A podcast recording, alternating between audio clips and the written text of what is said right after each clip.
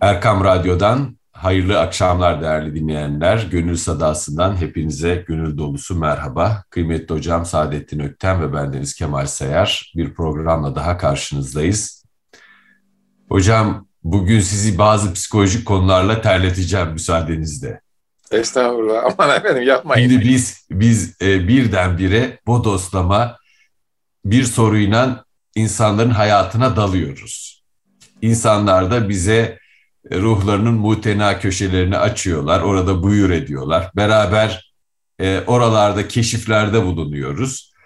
E, ve sonra o derinlerden çıkardığımız inci mercan taneleriyle de bir şeyler yapmaya gayret ediyoruz. Size şimdi kişisel bir soruyla başlayıp genel bir konuyla devam edelim. Pişmanlık yaşadığınız oldu mu hiç? Oldu. Oldu. Ee, oldu ama onu ben zannederim kendi kendime bir şekilde hani siz böyle hekimlikten söz açtınız tedavi ettim öyle zannediyorum. Tabii ki oldu hala da oluyor. E, dün de oldu mesela bir pişmanlık yaşadığım. Fakat e, kader diye bir e, real bir vakaya, realite demeyeyim çünkü herkese göre değişiyor. Kader diye bir vakaya inandığınız, iman ettiğiniz zaman ama bu sadece böyle hani ve bil kaderi diyoruz ya hayri ve şerri minallahi teala ve bil kaderi bu sözle söylenen bir şey. Ama yani kader diye bir şey iman ettiğiniz zaman ki bazı pişmanlıkların telafisi kadere imanla ortaya çıkıyor. İman edip etmediğinizde ortaya çıkıyor. O zaman diyorsunuz ki ha, bu da kadermiş. Bir daha yapmamaya çalışayım, daha dikkatli olayım filan filan böyle bir e, kendinize göre. Ha diyecek diyebilirsiniz ki bu zür tesellisidir. Şimdi hayatta her şeyin bir tesellisi var. Hangisi zür tesellisi, hangisi zengin tesellisi onu da kim biliyor? O da ayrı bir hadise. Dolayısıyla kadere, yani... Kadere iman eden kederden kurtulur diye bir e, evet. e, kelamı kibar. Kimileri hadisler ama kader, evet. Ben amene evet. bil kader emin, emin el keder diyorlar. Evet. E, kederden kurtulmuyor ama insan pişmanlıktan bir manada e, şey alıyor yani kendini halas edebiliyor. E, bu da böyleymiş diyorsunuz. Demek ki e, böyle yazılmış. Eyvallah diyorsunuz. Ben gene tedbirimi aldım ama böyle oldu diyorsunuz. E, vesaire. E, bakımdan yani ben kaderle pişmanlık arasında derin bir irtibat e, görüyorum. E, böyle. Bir tabii bizim isteklerimiz, emellerimiz var. O emellerimiz de öyle. Mesela size onu da söyleyeyim. Yani e, işte teknik üniversiteye gittik, bir eğitim aldık. E, o zamanlarda da çok düşünmüştüm. Acaba sosyal bilim mi okusaydım, edebiyat mı okusaydım, hı hı. lisan mı okusaydım filan filan gibilerinde. Özellikle üniversiteyi bitirdikten sonra. Ama e, bunun da bir kader meselesi olduğunu, e, buna da eyvallah demek e, icap ettiğini e, yani ister Mesleğinizle ister ilgili bir tereddüt yaşadınız mı? Yani ciddi. ben bu meslekte olmamalıydım, sosyal ciddi, bilimlerde olmalıydım. Ciddi manada, ciddi manada. Ee, özellikle üniversite bittikten sonra hemen akademik hayata başladım. Ee, teknik üniversite e, çok şey bir kurum yani, seçkin bir kurum vesaire ama e, benim devam ettiğim muhitlerde edebiyat var, sanat var, felsefe var, tarih var tabii ki tasavvuf var ve din var. Yani acaba bunlarla mı meşgul olsaydım filan filan derken kader beni bir başka istikamete doğru bir, bir dönüm noktası oldu, e, sürükledi. Kabul ettik, e, fazla üzerinde durmadık, duramadık e, ve o şekilde devam ettik. Şimdi onları düşünüyorum. Daha farklı bir altyapım olsaydı diye hala mesela zihnimden geçiyor. Niye öğrenmedim, niye gitmedim, niye etmedim diye. Neyi neyi öğrenmediniz? Mesela hocam? ben ben bir Arapça, iyi bir Arapça, Farsça bilmek isterdim. Evet. E, bu, bugün bulunduğu noktadaki e, ihtiyaçlar noktayı nazarından bakarsak bu olmadı. Olabilir miydi o zaman da olurdu. E, aile beni öyle yönlendirmedi. Ben çok muti bir çocuktum yani. Akıllı, hani onu hemen söyleyeyim, zeki, akıllı, ne, ne, ne, ne olup ne bittiğini bilen ama bu tabii büyük bir vizyon gerektiriyor. Yani 13, 15, 16, 17, 18, 20 yaşlarında bu vizyon yok sizde. Daha yerel bakıyorsunuz. Size verilen ödevi etraflı etrafıyla yapıyorsunuz ama ödev hayatın genelinde nereye oturuyor onu, onu göremiyorsunuz. Ee, çok sonraki yıllarda yani işte 40 yaşını falan geçtikten sonra gördüğüm şey öyle oldu. Yani ben bir mühendisim ama bu mühendislik nereye kadar, ne işe yarıyor? Hayatın genelinde hele bizim İslam medeniyet tasavvurunda nereye oturuyor? O zaman merhum e, Mehmet Genç bana yol gösterdi. E, bir de e, Cengiz abi, Profesör Doktor Cengiz Dökmeci yol gösterdiler. Bilim tarihi, bilim felsefesi oku dediler. O benim hayatımda yeni bir açılım oldu. Ben yurt içinde de yurt dışında da teknik olarak fena değildim yani. Bir şeyleri biliyordum ve tatbik ediyordum. Yani proje yapıyordum. Yaptığım projeler inşa ediliyordu vesaire. Danışmanlık yapıyordum. Ama bu yaptığım hizmetin bir manada sadece bir teknik hizmet olduğunu fark ettim. Zaten bilinç altında bu gelişiyordu da ama 40'lı yaşlarda o daha bir netleşti. O zaman ben hayatın bütününü bir teknolojik aparat olarak mı geçireceğim? Bu soruyla karşılaştım. Tabii bu soru o kadar net olmuyor. Şimdi daha netleşiyor. Sorular zaman içerisinde. Hani dibe çöküyor. daha görünür oluyor. O zamanlar bulanık ama yani bilim tarihi, bilim felsefesi özellikle okuyunca başka bir resim ortaya çıktı. Ve benim yaptığım iş bir manada üçüncü bir boyut hatta dördüncü bir boyut kazandı. Zaman içinde bir e, realitesi oldu. Ve bunun aldığım e, ailemden ve çevremden aldığım sosyal eğitimle, dini eğitimle ilişkisini kurmaya başladım ben. Hayatımın son dönemindeki bu e, tekrar malumunuz bir vakıf üniversitesinde e, ders veriyorum, doktora tezi yönetiyorum. Bu teknik eğitim ve onun getirdiği disiplin ve aileden aldığım, çevremden aldığım e, manevi eğitim artık intizac etti. Şimdi orada e, bana göre yine ürünlerini vermeye başladı. E, ama tabii yani sağlam bir dil, yani doğu dilleri hakkında bir bilgim olsun doğrusu isterdim yani. Ama olmadı. Şimdi gülüyorum tabii o zamana bakıp. Bir zamanlar gerilim yapıyordu, şimdi yapmıyor artık. Böyle. Ama siz matematiğin ve matematikle uğraşmanın da size ayrı bir e, bakış açısı kazandırdığınızı, zekanıza Tabii. bir keskinlik Tabii. kazandırdığını hep söylersiniz. Hala devam ediyorum. Ben problem çözüyorum. Çözemediğim problemler de oluyor. Bir defterim var. E, Feder o tür defterleri 40 ambar defteri derdi. İçinde her şey var. Olabildiğince yazıyorum. Mesela eskiden yazım çok güzel, dikkat ederdim. Yani kaligrafiye ve rakamlara. Yani e, şimdi elim biraz tutuldu. O sinir öyle oluyor bazen. Bazen akıyor, bazen tutuluyor. Ama mesela yumuşak kurşun kalem kullanmayı çok seviyorum. Yani yazarken dolma kalem özellikle. Tükenmez kalem hiç sevmiyorum, onu hemen söyleyeyim. Ee, böyle bir haz yazmak ve orada e, bir sürü defter oldu. Dolabı size göstersem e, son 30 yılın defterleri yıl duruyor. Metrikatım onlar benim. Belki bir süre sonra öyle olacak. Belki bakarlar içinde ne yapmış. Evrak-ı metrukat diyorsunuz. evet, kıymetli hocam. E, çok güzel bir şey söylediniz. E, ben de kendi noktayı nazariyemden biraz e, mesleki noktadan biraz anlatmaya gayret edeyim. Bu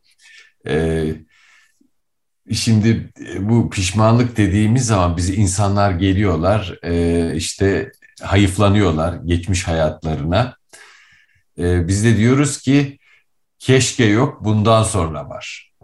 Yani e, keşke demeyeceksiniz. Artık olan oldu. Evet.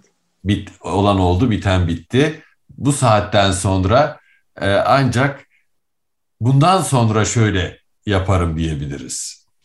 E, bir de tabii geçmişe bakarken e, pişmanlık insana bir bilinç kazandırıyor. Yani geçmişte böyle oldu ve bu e, burada şu yanlışı yaptım. E, ama onun içimde kökleşmesine izin vermiyorum. Bu pişmanlık duygusuyla beraber bunu tamamen e, atıyorum. E, yani bununla hesaplaşıyorum. Yanlış yaptım veya bir şeyi yapmadım. Ben de yanılabilirmişim. Ben de e, eksik kusurlu bir insanmışım. Ben de ayağa kayabilir bir insanmışım. Ee, yani dünle ilgili hikayemi tavsiye ediyorum. Dünle ilgili hikayemi e, genişletiyorum. e, aslında pişmanlık duyabilen bir insan hayatı daha iyi bir şekilde kurmaya muktedir oluyor. Bu Tom amcanın kulübesini yazan Harriet Becher, e, Beecher Stowe'un bir sözü var. Hüzün duyabilen her ruh iyiliğe muktedirdir diyor. Aslında kalbin hüznü hissedebilme kapasitesi, iyiliği de hissedebilme kapasitesi. Bence pişmanlık duyabilen her insan da iyiliğe muktedir. Dolayısıyla hayatımıza baktığımız zaman hiç pişmanlığım yok, her şey harikulade demek yerine noktaları görebilmek ve e, oradan bir e, hız alabilmek güzel olur diye düşünüyorum. Kendimizin daha iyi halleri var, daha kötü halleri var. Pişmanlık kendimizin daha iyi hallerine ulaşmaya izin veren bir imkan gibi geliyor bana. Bizi bir yandan da bir ahlak miyopluğundan çekiyor, çıkarıyor. Kendi kusurlarımızı görmeme narsizminden e, bizi azat ediyor bu bakımdan faydalı bir duygu. Yaşadıklarımızdan öğrenerek ilerlemek. E siz bunları söyleyince benim aklıma hemen nefsin mertebeleri geldi. Şimdi hmm. emmare hiç pişmanlık duymadı ama levvame zaten ismi üzerinde levmede kendisini kınayan bir nefis. Demek ki bunun psikolojide karşılığı var. Mutlaka vardır da. E, şimdi öğrenmiş olduk. Bunu çok hoş bir şey. Evet yani levmeden kendisini lev, levmeden kınayan nefis, ayıplayan nefis, keşke yapmasaydım diyen nefis. Şimdi bunu dediği anda zaten siz de biraz evvel söylediniz. Onun eline bir ölçüt, bir kriter, bir mikyar, mikyas, bir miyar var. Yani hı hı. yapmasaydım niye? Çünkü o miyara vuruyor ve görüyor ki yaptığı şey yanlış. O evet. zaman anlık duygusu ortaya çıkıyor. Ama emmarede böyle bir miyar yok. Yaptım oh olsun diyor yani. Çünkü elinde ölçüt yok. İşte o ölçüt olduğu anda insanın ona doğru nefsi mülhimeye doğru gitmesi mümkün olabiliyor inşallah diye düşünüyorum. Evet pişmanlıklarımız oldu hala da oluyor. Hayat bu devam ediyor yani. Maziden öğrenebilmek çok büyük bir meziyet sevgili hocam. Yani e, dikkatimizi geleceğe, maziden öğrendiklerimizle geleceğe e, yöneltebilmek. E, yani bence e, insanoğlunun sahip olduğu en temel e, melekelerden bir tanesi. Bir kapının eşiğinde durdum, o zaman açılmadı. Şimdi bugünkü bilgimle, e, bugünkü e, tecrübemle o kapıyı açabiliyorum mesela. E, bir şeyi yapmadım, e, onun pişmanlığı bugün beni yokluyor. Bugün ona benzer bir şeyi çok daha iyi e, yapıyorum.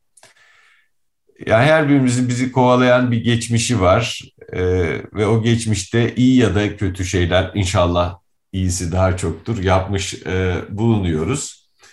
Bazen geçmişte iyi olarak telakki ettiğimiz şeyler bugün kötü olarak mülahaza ettiğimiz şeylere e, dönüşebiliyor. Yani geçmişte bir şeyi çok alkışlamışız ama bugün alkışlamıyoruz mesela. E, bu bakımdan herhalde e, yaşadıklarımızdan öğrendikçe, maziden öğrendikçe, yaşad yaşadıklarımıza duyarlı oldukça, yani ben bunları boşuna yaşamadım e, dediğimiz müddetçe hayatta ilerlemeye devam ediyoruz.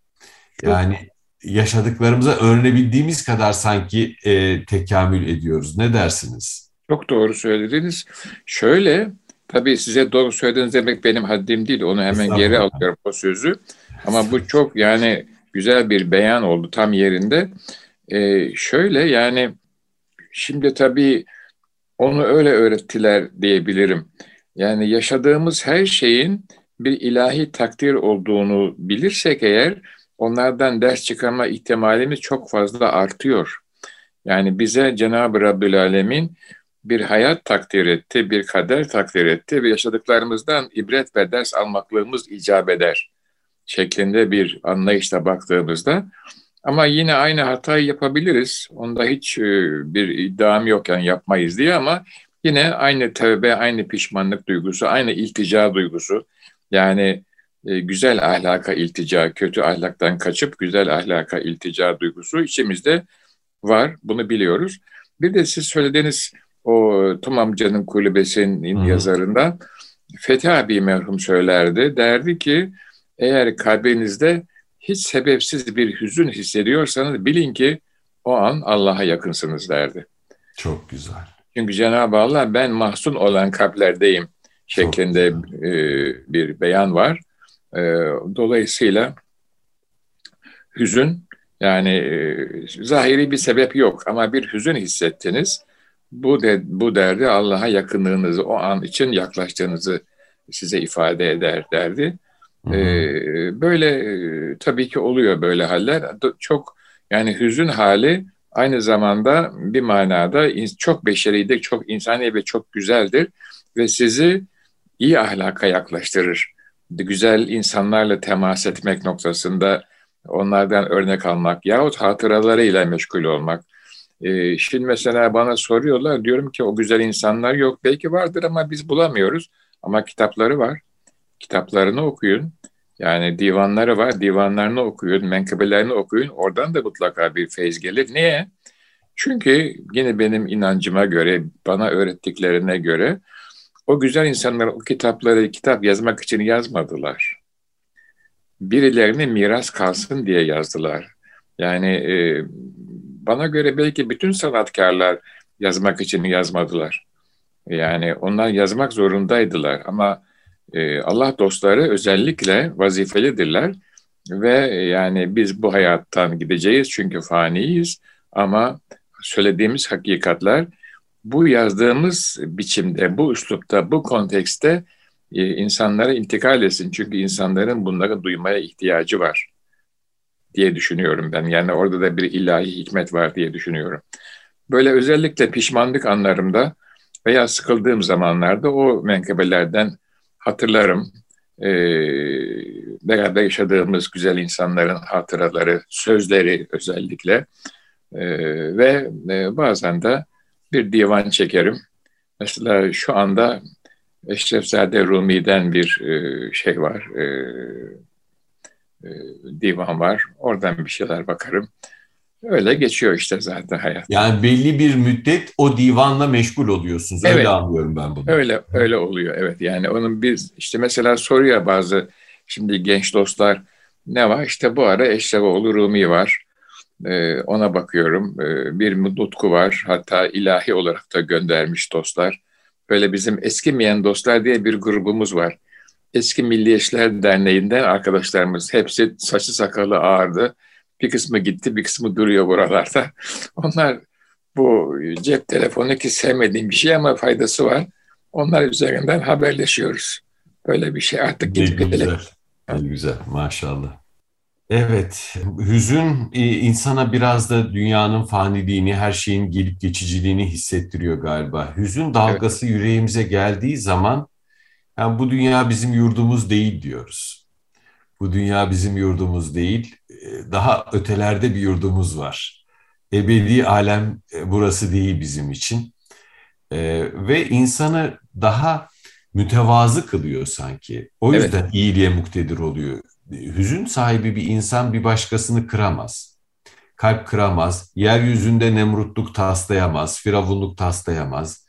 Hüzünlü bir insan daha mütevazı olur efendim insanlarla iyi geçinmek ister, insanlara iyilik yapmak ister.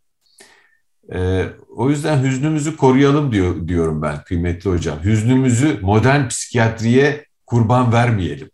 Şimdi modern psikiyatriye de baktığınız zaman her şeyi bir hastalık olarak etiketleme e, hastalığı var orada da. Hüznü de tedavi edeceğim diyor. Ben diyorum ki hüzün e, bizim hassasiyetle korumamız gereken bir şey. Bağdatlı Rasi'nin çok güzel bir e, beyti vardır. Dilde gam var lütfeyle gelme ey surur. Olamaz bir mahne, e, e, bir hanede mihman mihman üstüne. Hmm. Dilde gam var. Lütfeyle gelme ey surur, ey sevinç. Olamaz bir hanede misafir misafir üstüne diyor. Evet çünkü Şimdi, gelsin gam, şu anda gamı ağırlıyorum. Ya şimdi sevinç sen sıranı bekle. Çok güzel. Evet, evet.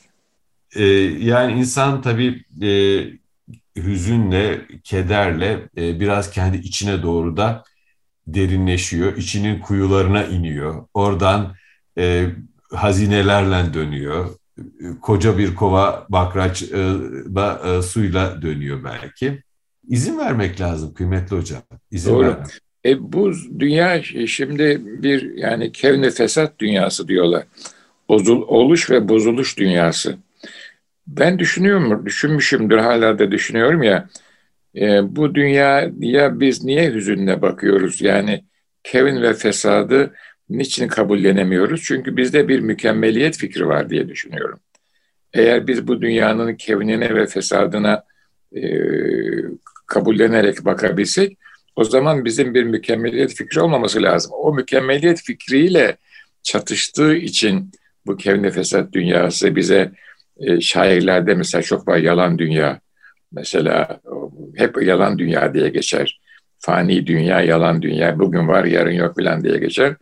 E, çünkü bizde o zaman bir ebediyet fikri de var. Zaten mükemmeliyetin içinde ebediyet fikri de vardır e, diye düşünüyorum. O zaman işte bir manada mükemmeliyetin, ebediyetin ve her türlü güzelliğin sahibi olana gidiyor iş. Yani oradan bir nebze, bir e, parça, bir küçük zerre bize nasip edilmiş. Biz o birikimle hayata bakıyoruz. Yani oradan da yola çıkarak biz Cenab-ı Rabbil Alemine doğru bir istikamette doğru dönebiliriz diye düşünmekteyim. Bu kevni fesat dünyasına. Hiçbir kitap okumasak, bir Allah dostuyla karşılaşmasak bile bunu kabul edemeyişimiz, yani yokluğu, hiçliği, oluşu ve bozuluşu. Oluş çok hoşumuza gidiyor ama bozuluş bize ciddi bir manada yük oluyor. Neden? Çünkü bizde bir e, kemal fikri var. Ve kemalin kaynağı nerede? Ekmel, değil mi? O, o ve onun kemal, o, onun kemalin hiçbir nakisası yok. Noksanlığı söz konusu değil. Dolayısıyla hüzün bizi burada bir rehber gibi alıp bir yerlere götürecek. E, peşimanlık da öyle. Eyvallah. Bak, bakımdan yani tedavi etmeyin aman. Ne pişmanlığı. evet evet. Ee... Siz çünkü mahir ve mahir ve sahir insanlarsınız. Yani insanı bir manada tam ters bir dünyada yaratabiliyorsunuz. Yani o şeyi de vermiş Cenab-ı Allah size. O kudreti de vermiş, o ilmi de vermiş. Bir dünya ortaya koyuyorsun. Adam o dünya içinde kendini kaybediyor yani. Mahir ve sahir. Bu ikisi çok mühim yani. Evet, sahir olmaktan çok mahir olalım inşallah. İnşallah, evet. ee, evet, kıymetli hocam. E, hakikaten dünyanın e, adaletli bir yer olmasını arzu ediyoruz. Mükemmel bir, bir yer olmasını arzu ediyoruz ve bunu bulamadığımız zaman da ağzımızın tadı bozuluyor. Neden? Çünkü bizde bir adalet var, bir kemal fikri var, eksiksizlik fikri var. Halbuki tabiata baktığımız zaman, diğer canlılara baktığımız zaman bu, bunu görmemiz mümkün değil. Evet. Onlarda, onlarda bu yok. Onlar hayatın akışı içinde devam ediyorlar. Köpeğin annesi öldü bizim komşunun köpeğinin. Köpek hemen gene yemeğini yedi, havlamasını havladı, oyununu oynadı vesaire yani. Ama düşünün ki bir yavrunun annesi öldüğü zaman onu hissettiği bir insanın hissettiğini tasavvur buyurun. Neden? Çünkü onda bir e, kemal fikri var, bir şefkat, bir merhamet ihtiyacı var. Köpek için bu sadece şeydir. E, yani belli bir noktaya kadar hayatın başlangıcında e, o e, türün devamı için gereken içgüdüsel bir yaklaşımdır. O bittikten sonra iki ayrı köpek verdiği oluyor onlar. Şimdi bakmayın insanların onlara anlam yüklediğine. O, o anlam da insanların zihninde. Tamamen yani, insanların zihninde, evet. Tabii, öyle bir anlam. Yoksa realitede böyle bir anlam yok. Şimdi geçtiğimiz günlerde bir Abhazya'da e, bir seyyah ölmek üzere olan bir yabanıl hayvana rastlıyor ve ona yardım etmeye çalışıyor. E, bir Gezi dergisinde yazıyor hatıralarını ve yanında da yaşlı bir kadın var. yerel halktan, Abhaz bir e, kadın. Diyor ki kadın artık rahat bırak hayvanı diyor. Bırak diyor rahatça ölsün diyor. Bizim gezgin turist e, illa yardım edeceğim diye tutturuyor. Diyor ki kadın e, onlar burada senden çok daha önce vardılar. Senin yardımına muhtaç büyümediler. Doğada yapacağın en büyük iyilik hiç var olmamış gibi yaşamak. İşte o kadar. Nasıl bir bilgece söz hocam bu ya? Evet. Hiç var olmamış gibi yaşamak. Yani e, bu batılı insanda da bir kibir var yani. Gezgin olarak gidiyorsun oraya. Aa o kadar insan hiç insancıl değil düşünememişler bazı şeyleri sen düşünüyorsun. Evet aynen öyle. Aynen öyle. Evet. Ve bir anda ayırıyorsun. Üst kademeye çıkarıyorsun. Ben evet. bilgiliyim, ben akıllıyım, ben bunlardan daha merhametliyim, daha yetenekliyim. Ve bir anlamda bunu yazıyorsun. Kadın da diyor ki doğada hiç var olmamacısını yaşa diyor. Çünkü sen bu doğanın bir ögesi değilsin. Bu doğaya müspet de e, niyetlerle müdahale etsen doğayı bozuyorsun. Yok ol buradan diyor yani. Tabii o döngüyü bozuyor. O döngüyü bozuyorsun. Yani onun kendine içinde bir ritmi var. O ritim ilahi bir ritim. Onun kanununu koyan koymuş. Sen onu boz, bozmayacaksın. Sen de o ritme uyarak yaşayacaksın. Çok çok güzel bir şey ve bu yeni yeni olan bir hadise değil mi? Yani yeni evet yeni. Evet. Tabii bu e, şey de çok güzel. Yani sizin bu aktualiteyi takip edişiniz beni çok heyecanlandırıyor. ben ben onu yapamıyorum. Ee, bu çok hoş bir şey. Çünkü her an yeni bir tecelliyat görüyorsunuz siz orada. Yani aktüelitenin içinde ol emriyle oluyor ve bazıları çok net yani tecelliyat malum tecelli meclaya tabi yani her e, sahnede o akis çok net görünmüyor veya biz göremiyoruz ama bazılarında çok net. Burada da öyle. Yani bir takdir var. Yaşlı bir Abbas Hanım oranın insanı diyor ki sen bu tabiat ortamında hiç var olmamacısına olmamış gibi yaşa. Ne demek bu? Hiç müdahale etme. Sadece seyret. Sadece seyret. Müthiş bir söz. Çok etkilendim. İşte bizim atalarımız, cetlerimiz böyle yaşadılar hayatta. Şehri de böyle kurdular. Şehri de böyle imar ettiler. Kendilerini de böyle imar ettiler. Gönül aynasını pastan temizlediler. Yani dünyaya talip olmadılar. Ne demek o? Var olmamak demek. Halbuki modernite tam tersini yapıyor. Her şeye hakim olmak istiyor. Bunun, ve bu her şeye belki fizik dünyada hakim oluyor ama kendi kendi iş dünyasında nefsine hakim olamıyor.